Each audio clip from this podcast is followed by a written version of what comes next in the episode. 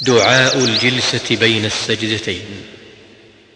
يقول رب اغفر لي رب اغفر لي. ويقول اللهم اغفر لي وارحمني واهدني واجبرني وعافني وارزقني وارفعني.